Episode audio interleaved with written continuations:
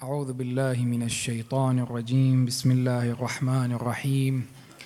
الحمد لله رب العالمين. ثم الصلاة والسلام على أشرف الأنبياء والمرسلين سيدنا محمد وآله الطيبين الطاهرين.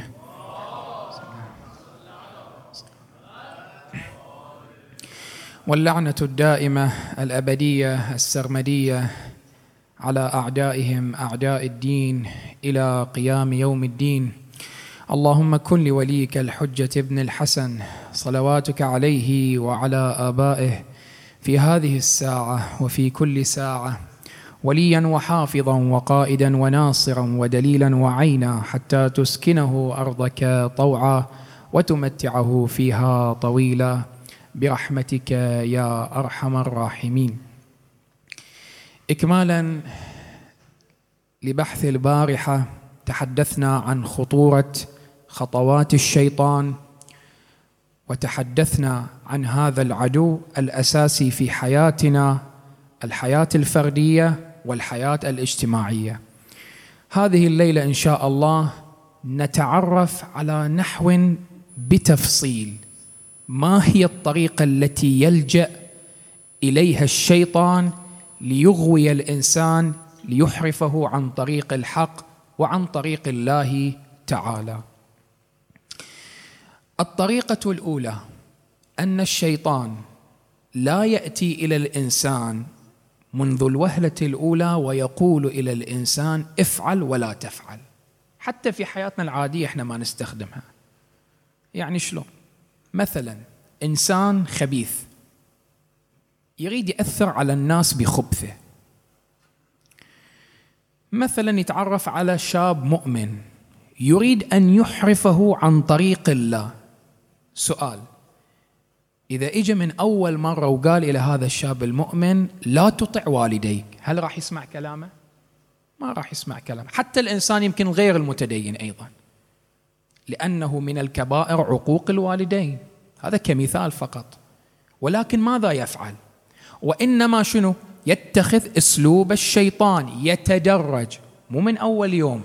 حتى الإنسان المنحرف اللي يحمل أفكار خبيثة. أفكار منحرفة. ليس منذ الوهلة الأولى يبث بسمومه وإنما ماذا؟ يتدرج. يوم يومين ثلاثة أيام شو يسوي؟ أول يوم مثلا مثل ما نقول يقط نغزة. شوي شوي إلى أن يأتي إلى هذا الشاب في يوم من الأيام بماذا؟ بالصراح يصارحه في هذه الفكرة التي يريد أن يبثها. لذلك نجد بأن كل البشر كل إنسان بغض النظر الآن عن الدين كل إنسان بفطرته يحب الخير. وكل إنسان يعيش في هذه الدنيا يبغض الشر. حتى اللي يعيشون في أدغال إفريقيا لو الآن تروح إليه وتقول له تحب الصدق؟ يقول نعم أحب الصدق. يحب الخير. زين. الله سبحانه وتعالى يتحدث في القرآن الكريم. عن جماعة بيوم القيامة راح يصير هذا المشهد. ولو ترى إذ الظالمون موقوفون عند ربهم يرجع بعضهم إلى بعض. ماذا يقولون؟ يقول الذين استضعفوا للذين استكبروا لولا أنتم لكنا مؤمنين. يعني شفتوا الآن أنتم ورطونا الحين؟ ها؟ لو أنتم الآن ما كنتم موجودين لكنا الآن نحن من أهل الجنة. ولكن بسببكم ماذا؟ نحن من أهل النار. قال الذين استكبروا للذين استضعفوا أنحن صددناكم عن الهدى بعد إذ جاءكم بل كنتم مجرمين. مثل ما قلنا هذه طريقة الشيطان أنه في يوم القيامة شنو؟ يتبرأ من الإنسان.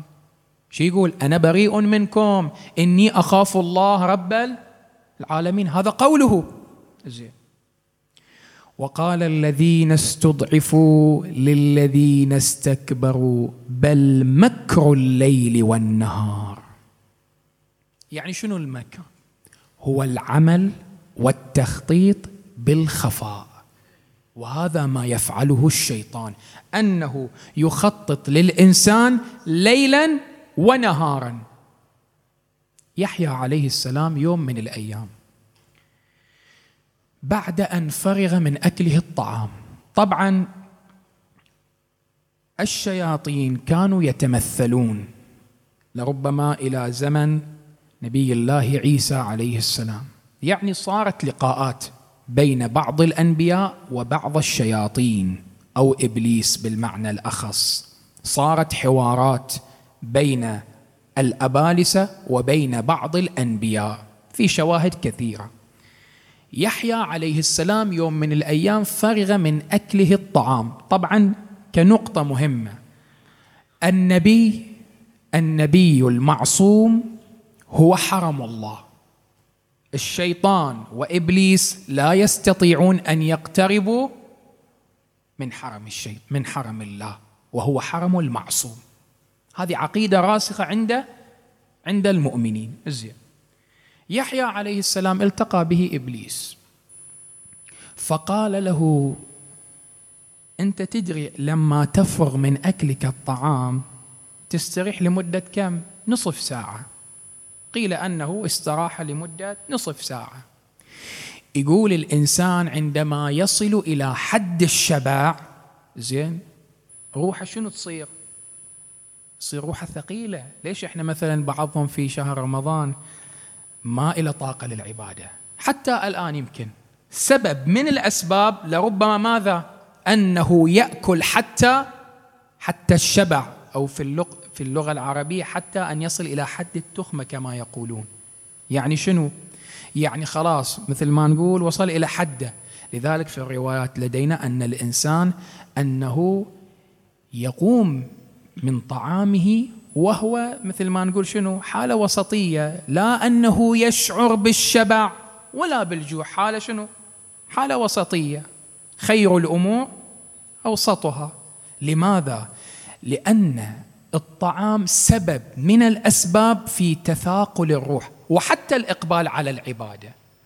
ما لخص واحد متين واحد ضعيف. أحيانا الناس نشوفه ضعيف ومعضل لكن ما إلى طاقة للعبادة. أسباب كثيرة. هذا يمكن جزء سبب من الأسباب مو كل السبب. أحيانا نشوف واحد لا واحد سمين لكن إلى طاقة للعبادة.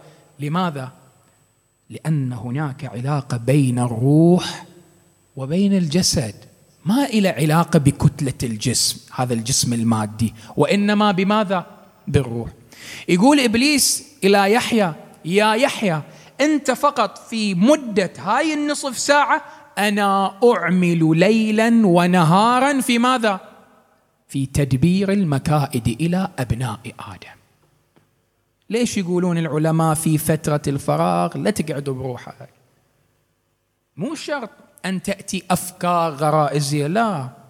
لربما يأتي إلى الإنسان مثلا أفكار توهمه إلى الباطل تأخذ به إلى الباطل. يفكر التفكر ماذا؟ الزائد من دون معرفة. اذا لذلك إخواني الليلة نريد أن نتحدث شنو خطوات الشيطان بالمعنى الدقيق. الخطوة الأولى الوسوسة. شو نقول الوسواس؟ الخناس. جاء رجل إلى الإمام الصادق عليه السلام. قال سيدي ومولاي كلما جئتك وشكوت إليك الحال قلت لي بأن السبب من؟ هو الشيطان. يعني الشيطان هو ما عنده أحد في الدنيا إلا أنا مثلا يتفرغ إلي؟ نعم. لأنه قد تفرغ من الآخرين. خلاص ذلاك بعد ضامنهم مثل ما نقول مخليهم في مخباه. بعد ما يحتاج ماذا؟ أنه يتكبد العناء ويتعب عليهم. خلاص تفرغ من ناس وشنو؟ يلتهي بأناس آخرين. فقال له الإمام صلوات الله وسلامه عليه مضمون الرواية بأنه الآن قد تفرغ من ماذا؟ من حزبه وجاء إليك. ليش؟ لأنه يعمل عليك ليلا ونهار في كل ثانية في كل فراغ. زين. أول خطوة قلنا ماذا الوسوسة شنو الوسوسة الكلام تعريف بعض العلماء الكلام اللطيف الخفيف الهادئ المؤدب الشيطان عندما يريد أن يأتي إلى الإنسان مثل ما قلنا منذ الوهلة الأولى في البدايات ما راح يجي لك ويقول لك مثلا لا تفعل وافعل لا هذا حتى الإنسان في الدنيا ما راح المجرم ما يسويها وكما قلنا أن الشيطان لديه ماذا؟ إبليس فنان عالم يعلم أنه كيف يتفنن في طرق الإغواء أول شيء يعطيك بماذا؟ بالكلام الهادئ شلون أعبر لك الآن؟ أعطيك مثال حي الآن بر الوالدين إذا أراد الشيطان أن يجعلك من العاقين لوالديك شنو راح يسوي أول شيء؟ هل راح يجي ويقول لك لا تطيع أمك أبوك ولا تسمع لهم؟ لا ما راح يقول لك أول شيء راح يلقنك بتلقينات يزين لك يقول أنت الآن كبرت خلاص كم صار عمرك؟ 17 سنة 16 سنة. خلاص أنت المفروض تستغل في تفكيرك تكون حر في رأيك تكون حر في أفعالك. شوفوا يعني شنو؟ يزين لك. مو إحنا قلنا من طرق إبليس ماذا؟ التزيين. يزين لك الفكرة. زين. هنا يبقى على الإنسان أنه يستجيب للخطوة الأولى أم أنه يعرض؟ عن هذه الخطوة. كلام جميل. حتى اليوم للأسف الشديد بين الأصدقاء تصير هذه المشكلة. شاب مثلا يعاني من بعض الضغوطات. مشكلة ذاك خبيث شوي. يقول لك لا أنت المفروض تكون مستقل برأيك. مستقل بفكرك. مو لازم أي شيء قالوا تطيعهم لا. هذه من خطوات شنو؟ من خطوات الشيطان والعياذ بالله. زين. قلنا شنو الوسوسة؟ الكلام اللطيف. زين. إذا استجاب الإنسان للوسوسة تجي يا خطوة. الخطوة الثانية. الخطوة الثانية شنو؟ يسمونها النزغ. بسم الله الرحمن الرحيم. وإما ينزغنك من الشيطان نزغ. فاستعذ بالله. يعني إلجأ إلى الله. لماذا؟ إنه سميع عليم. شنو النزغ؟ بعض العلماء عرفوا النزغ قالوا الآن هيك تعبيرنا قرصة مثل ما نقول. كلام حاد مع زجر. افعل. يعني لهجة الخطاب صارت شنو؟ شديدة. لماذا؟ لأنه استجاب للخطوة الأولى.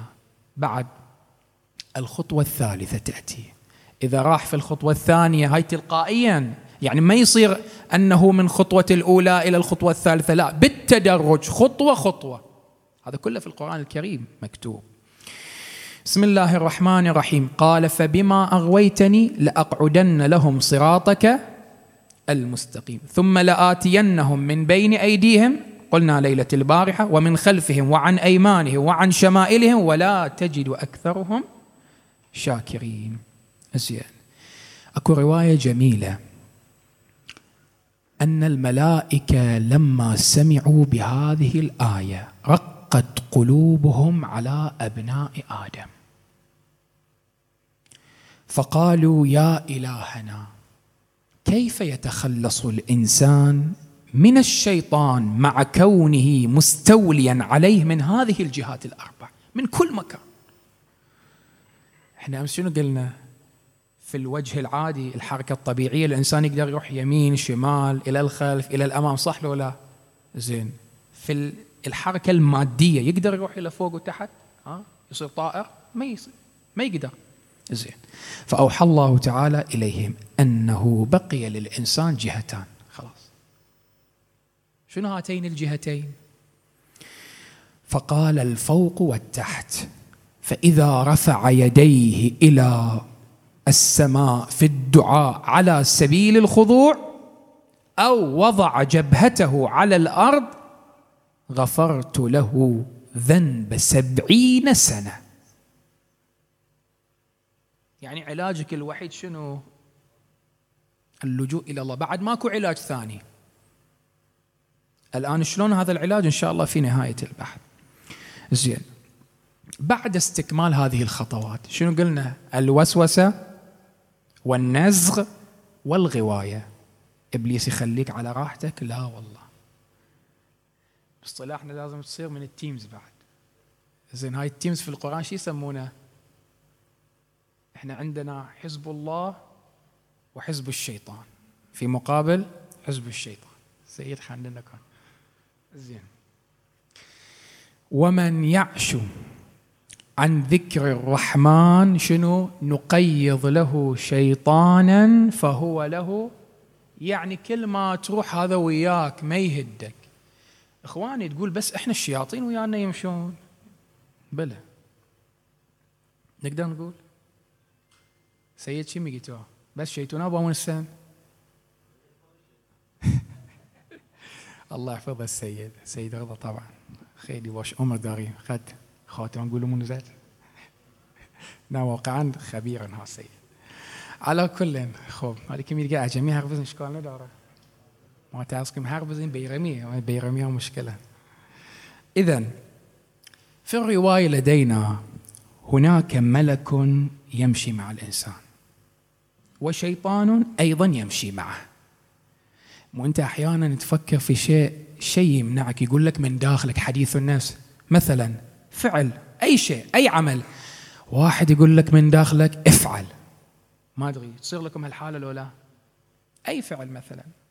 واحد يقول لك من داخل لا تفعل بين النهي وبين الأمر. هذا مو شيء تلقين خيالي أو من عالم ديزني لا. هناك ملك يبصرك وهناك شيطان يضلك عاد أنت وعملك أنت وإيمانك تستمع إلى أي أي مخلوق منهم. الشيطان أم الملك؟ تشوف المؤمنين أحيانا مثلا إذا صارت مثلا ظاهرة ذنب قاعدين في مجلس رجل مؤمن يغتاب شو يصير في حالته؟ ما يقدر يقعد يقوم تلقائيا. يقول ما أقدر أنا أقعد في مجلس عن فلان وعن علان ما أقدر. أما الإنسان الذي يستمع يستجيب إلى الشيطان. يقول قاعد يبقى عادي ظلت علينا إحنا العالم كلهم يتكلمون. هذا صار من يا حزب. هذا من حزب الشيطان والعياذ بالله. بس هذا اللي عليه إبليس. لا شو يقول؟ ولأضلنهم ولأمنينهم ولآمرنهم. تدرون يوم من الأيام تعرفون السيد الطباطبائي صاحب تفسير الميزان؟ الفيلسوف الكبير رضوان الله تعالى عليه. يوم من الأيام وفد أوروبي طلبوا لقاء مع السيد. راحوا إلى السيد الطباطبائي. يمكن هاي اللقاء موثق أيضا على حسب ظني. قالوا ليش أنتم مثلا تحرمون الخمر؟ ليش تحرمون الخمر؟ فقال السيد رضوان الله تعالى عليه لأنه يذهب بعقل الإنسان واللي بعد ما عنده عقل هذا بهيمة هذا حيوان أجلكم الله. قالوا زين إحنا نتفق معك في هذا الكلام ولكن هذا المقدار القليل اصطلاحنا موشه ها؟ هاي الموشة ما راح تأثر. قال مو هنا المشكلة أن الإنسان ماذا؟ يريد ولا يشبع. قال أنت تقدر تقيد روحك؟ يقول ذاك سكت. ما عندهم جواب. لماذا؟ السيد يشير إلى هذه العملية. إذا استجاب الإنسان إلى الخطوة الأولى يستجيب إلى الخطوة الثانية. لذلك نشوف إحنا أحيانا بعض العلماء يشددون في مسألة الاستماع إلى الموسيقى. بغض النظر الآن موسيقى مجازة موسيقى مثلا محللة مستوفية الشروط أحد العلماء عنده تعبير جميل. يقول مو هنا المشكلة. المشكلة ليست في الاستماع إلى الموسيقى لربما مثلا عند السيد السيستاني الكلاسيكي مثلا. المشكلة هنا أنه كيف الإنسان يضمن نفسه. أنه إذا استمع إلى هذه الموسيقى اليوم مثلا كلاسيكية زين ثم بعد ذلك شوي شوي شنو؟ فتتوق نفسه إلى أمر إلى أمر آخر.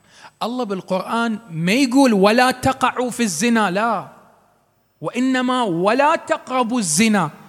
يعني مثلا إذا الحفرة هناك أنا لازم حوالي كم ميل لازم أبتعد. أبتعد عن ماذا؟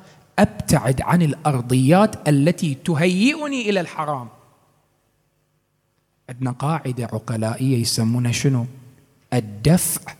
قبل الرفع. يعني شنو؟ تارة إنسان يصير مريض شو يسوي؟ وين يروح؟ يروح إلى المستشفى صحيح لو لا؟ يريد يرفع المرض عن نفسه. وتارة لا. تارة الإنسان ماذا؟ يطبق هذا المبدأ الدفع. الوقاية خير. يعني أنا أنتظر علشان أوقع في الحرام وبعدين أقعد أرفع عن نفسي؟ الإنسان المؤمن المفترض من البداية أنه ماذا؟ أن يمنع الأرضيات التي تهيئه إلى الحرام، مثلا جلسة معصية جلسة غيمة جلسة نميمة، بهتان، زور هذه الأرضيات تهيئ الإنسان إلى ماذا؟ إلى فعل الحرام. لذلك من عاشر قوما أربعين ليلة هذه مو بس شعر أو مثال لا هذه حقيقة. صار مثلهم. مشكلة. زين. مولانا الآن هذه الغرائز اللي الله مخلي بينا هذه الغرائز. كل إنسان عنده غريزة. حب الطعام. زين. أن يلبي رغباته الأخرى. هذه نعم ترى هذه. أي في الحقيقة والواقع نعم من الله. لولا غريزة الجوع هل استطاع الإنسان أن يبقى على الحياة؟ لا ما يقدر لولا مثلا غريزة الميل إلى الطرف الآخر هل استطاع مثلا أن يكثر الناس في الأرض؟ لا ما يقدر. فالإنسان من دون هذه الغرائز لا يستطيع أن يعيش. مثلا الإنسان يحب نفسه أحيانا. لولا هذه الفطرة وهذه الغريزة لما استطاع أن يدفع المكروه عن نفسه وعن أهله وعن عياله. يعني هذه الغرائز ماذا؟ نعم لو مو نعم. نعم. ولكن تكون نعمة في حالة إذا وظفت فيما يريده الله جل وعلا. مثلا الله حرم الربا وأحل ماذا؟ أحل البيع. الله حرم الزنا وأحل ماذا؟ الزواج. الإسلام لم يمنعك من شيء ولكن ماذا؟ أطر لك هذه الغرائز في إطار شرعي فقط. الإسلام يمنعك من أنك تترفه؟ لا ما يمنعك. اعمل لدنياك كأنك تعيش أبدا واعمل لآخرتك كأنك تموت. الإمام الباقر عليه السلام يوم من الأيام وهو يعمل. أئمتنا كانوا يشتغلون ترى يا جماعة لا تصورون أئمتنا ما كانوا يشتغلون؟ لا كانوا يشتغلون. كانت عندهم تجارة. شنو الفارق الآن بين من يتاجر في الدنيا؟ هذا شوي قلبه متعلق بالدنيا. المؤمن يتاجر. يطلع لقمة الحلال إلى أهله إلى زوجته إلى أهل بيته. ولكن بماذا؟ بشرط أن لا يتعلق قلبه بالمال. أن لا يتعلق قلبه بالمال. بالعكس أئمتنا يدعون الشباب خصوصا إلى العمل ولكن بشرط بشرطها وشروطها. زين. الإمام الباقر سلام الله عليه كان مع غلام يعمل فلاحا فجاءه أحد المتصوفة. أحد المتصوفة. باصطلاحنا ها إذا شفنا الآن حوزوي أو شيخ مثلا يشتغل نقول هذا شيخ ويشتغل صح لو لا؟ ما البعض يستغرب ليش تستغرب أيضا بزمن الإمام الباقر اجى واحد صوفي قال يا ابن رسول الله أنت إمام تزعم أنك إماما للمسلمين وأنت تطلب الدنيا. تقول الرواية الإمام كان باصطلاحنا متعب فاستند على جذع نخلة فأخذ يمسح عرقه. وقام الإمام شوي يتنفس فقال إليه قال إنما أنا في طاعة من طاعة الله. أنا في طاعة. وإنما أنت إنما أنت شو تسوي؟ تجلس عند أبواب المدينة والناس يتفضلون عليك بماذا؟ بالمال والطعام والشرب. أنت عالة لذلك من ألقى كله على الناس فهو ملعون. أهل البيت يلعنونه. الذي يلقي بكله على الآخرين. الإنسان الفقير مو معناته أنه يقعد في البيت يقول إلهي ارزقني لا لا. الفقر مو معناته أن أنا أرضى بالفقر على نفسي. الإنسان فقير يلجأ إلى الطرق المتاحة. لذلك يوم من الأيام الشيء بالشيء يذكر. طبعا أعود إلى صلب الموضوع. ولكن ما دام هذا الهامش انفتح خل أفتح شوي. يوم من الأيام الإمام الصادق عليه السلام جاءه رجل قال له سيدي ادعوا لي بأن الله يرزقني. أول شيء الإمام قال له أتعمل؟ مضمون الرواية. أنت تشتغل؟ قال لا. قال ما راح أدعو إليك. روح الجأ إلى الأسباب ها؟ الجأ إلى الأسباب ثم بعد ذلك أدعو إليك. أئمتنا ما يرضون بالربادة ها؟ وبالكسل وإنما بالنشاط والعمل إذا إخواني ولذلك الشيطان يريد أنه يستغل هذه الغرائز ويوظف هذه الغرائز في سبيل من؟ في سبيله ولحزبه. زين. روي أن إبليس قال لنوح بعدما أن دعا على قومه: يا نوح إنك قد دعوت الله على قوم فأرحتني منهم، بالصلاح خففت عليه، شلت عني هم كبير. دعوة واحدة إيش سويت؟ ها؟ هلك الجميع فأرحتني منهم وفرغتني لغيرهم ولك بذلك عندي يد فأنا أعلمك خمس كلمات فأوحى الله عز وجل إلى نوح قل له يعلمك اثنتي ويكفي عنك ثلاث. بس ثنتين خلي علمك. أحيانا يقولون في المبدأ العقلائي من مبادئ الحكمة أنه حتى ولو العدو لديه معلومة صحيحة فاقبلها. اقبلها إن كان صادقا. ثم قال إبليس إياك والحسد. فإنك تعلم مكاني. كان من الملائكة فدعاني الحسد لآدم إلى أن صرت شيطانا رجيما ملعونا. أول مشكلة سقوط سقوطي إلى هذه الدرجة ماذا؟ الحسد. وإياك والطمع الحرص الطمع. فإن الله أعطى آدم جنة عرضها السماوات والأرض. فدعاه الطمع في شجرة إلى أن خرج من ذلك كله. لذلك يقولون من جنود إبليس شنو؟ المال. شلون الآن راح يجي؟ يقول الإمام الباقر إن أول درهم ودينار ضربا في الأرض نظر إليهما إبليس. فلما عاينهما أخذهما فوضعهما على عينه. مثل ما أشوف بعض الناس ياخذ بيزات ويحطها على عيونه قبل على رأسه. هاي للأسف. ثم ضمهما إلى صدره. هاي يمكن الواحد بروحه إذا قاعد في السيارة يسويها. خلي يشوف نفسه. ثم صرخ صرخة وقال أنتما قرة عيني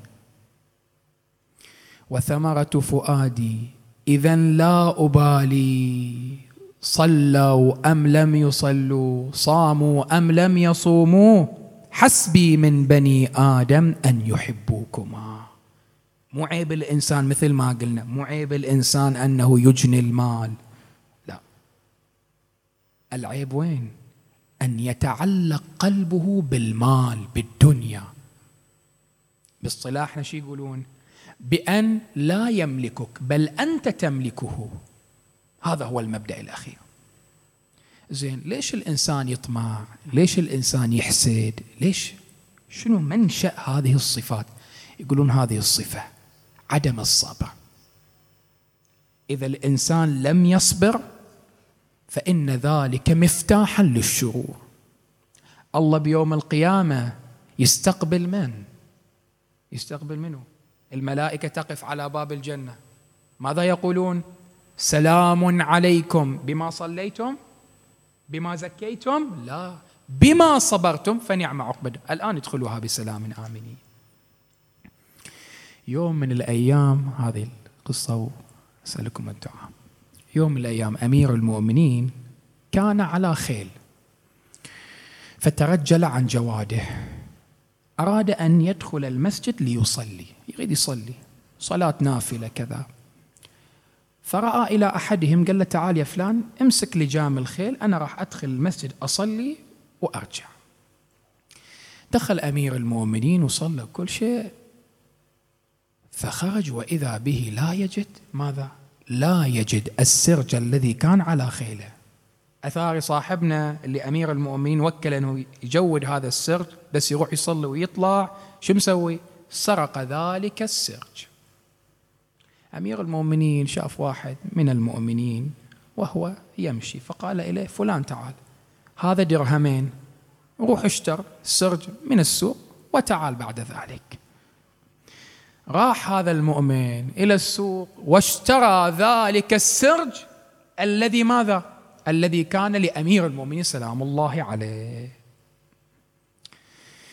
أمير المؤمنين ما إن رجع ذلك الرجل. قال سيدي ذاك نفس اللي باق أنا اشتريت منه. بكم؟ بدرهمين. أمير المؤمنين ماذا قال؟ إن الإنسان ليقل صبره عن الحلال فيطلبه بالحرام. لو صبر لناله بالحلال. لو بس شوي كان صابر كان يحصل الدرهمين. ليش؟ يقولون أمير المؤمنين كان يريد يطلع من المسجد كان مجهز الدرهمين يريد يعطيه بالحلال ولكنه لم يصبر فماذا؟ فتعجل بماذا؟ لذلك يقولون عجلة من الشيطان صحيح لو لا؟ لو كان صابر مو كان أحسن له؟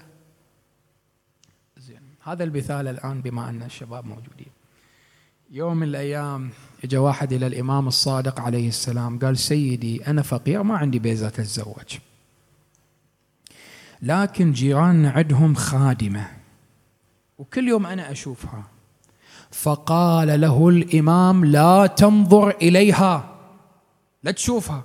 لماذا؟ لأن النظر إلى المرأة الأجنبية سهم من سهام الشيطان. لا تقص على روحك والله النظرة الأولية ما أتأثر.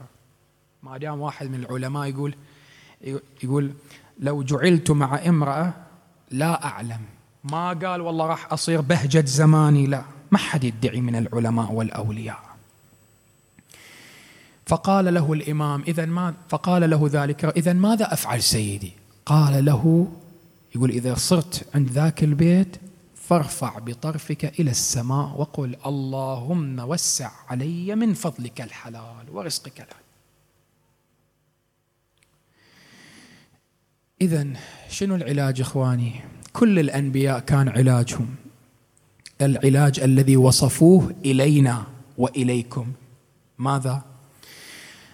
قال الله تعالى بسم الله الرحمن الرحيم. على لسان موسى وإني عذت بربي وربكم أن تر وربكم أن ترجمون. شنو الجزاء؟ وقربناه نجيا بعد والذين كفروا يقاتلون في سبيل الطاغوت فقاتلوا أولياء الشيطان. إن كيد الشيطان كان ضعيفا. سؤال إحنا من أمس قاعدين نتكلم عن خطورة الشيطان وكيد الشيطان. البعض إيش قال؟ واحد من المؤمنين قال يعني الظاهر هذا قوي ما يقدر. الإنسان ما يقدر أنه يقابله. يجاهده. لا. من إنسان إلى إنسان يفرق. كيد الشيطان ضعيف. على من؟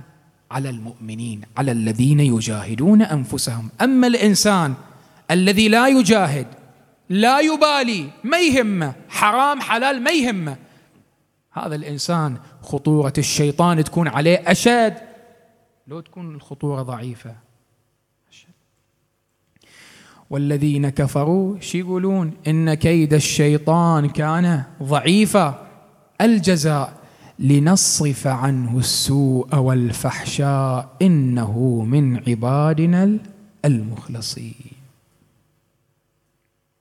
زي مولانا نريد بعد طريق أسهل نوصل إليه إلى الله.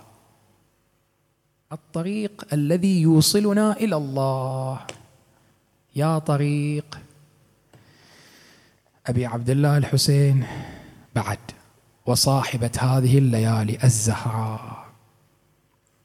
روى المفضل بن عمر عن أبي عبد الله. قال إذا كانت لك حاجة إلى الله وضقت بها ذرعا الدنيا ضاقت عليك. فصل ركعتين فإذا سلمت كبر الله تعالى ثلاثا. وسبح تسبيح فاطمة سلام الله عليها.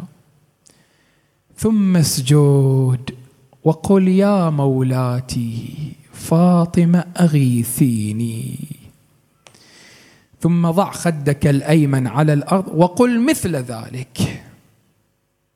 ثم عد إلى السجود وقل مثل ذلك. يا فاطمة أغيثيني. ولكن سؤال من تخلي خدك على الأرض وتقول يا فاطمة أغيثيني ترى خدها ملطوم سلام الله عليها. أتذكر بس هاي الصفعة اللي إجت على وجه الزهر. شنو هذا السر الإمام يقول؟ فضع خدك وقل يا فاطمة أغيثيني. الإمام الرضا عليه السلام في مثل هذه الأيام كان يقيم مجلسا على جدته فاطمة سلام الله عليها. تقول الرواية خلينا نقرأ عن إمام. عن الإمام الصادق لما حضرت رسول الله صلى الله عليه وآله الوفاة دعا الأنصار. هذه آخر كلمة قالها رسول الله. هذه آخر كلمة. وقال يا معشر الأنصار قد حان الفراق ألا فاسمعوا ومن حضر. الكل اجتمع. شي يريد رسول الله. عادة إذا عالم يقول على قناة فضائية عند كلمة مهمة الكل يجتمع. لماذا؟ لأهمية الكلمة. رسول الله إيش قال؟ ألا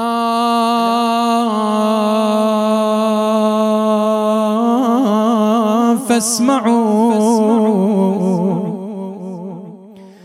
ألا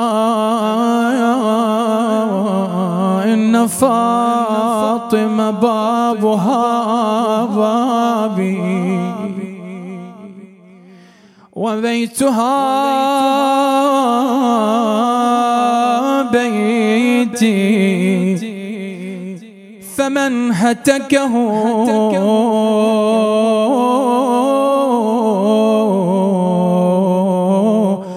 فقد هتك حجاب الله.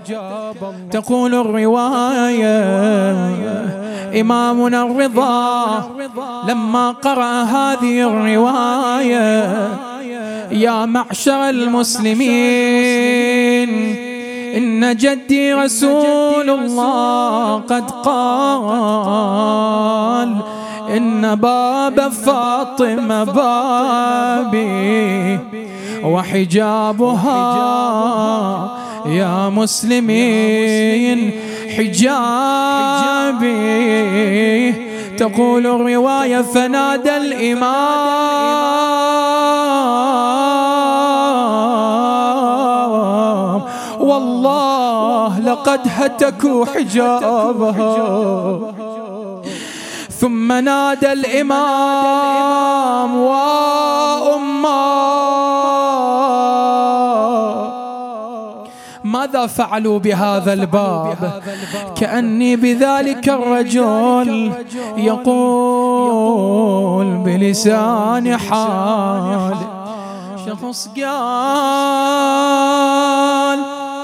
أنا ليش عليت نار على الباب حركته ودخلنا ولا كان بالإحس شنو لقيت يا ملعون؟ لقيت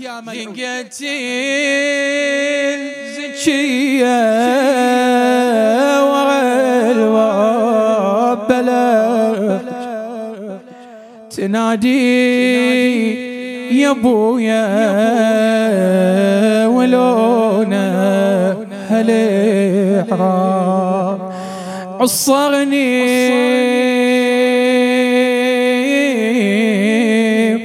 لطمني على عيوني وعصر.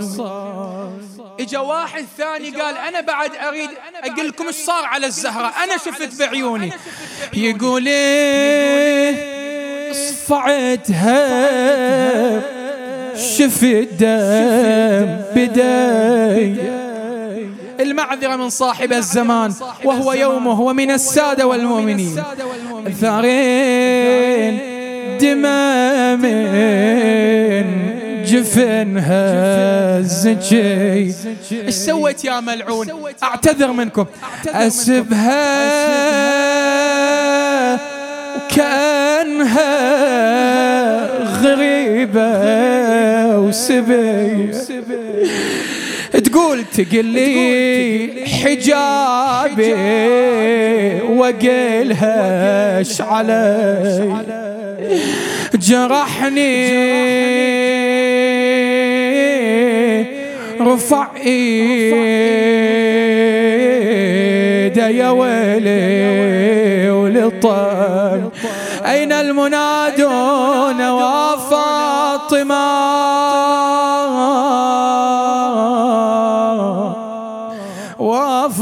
وفاطمه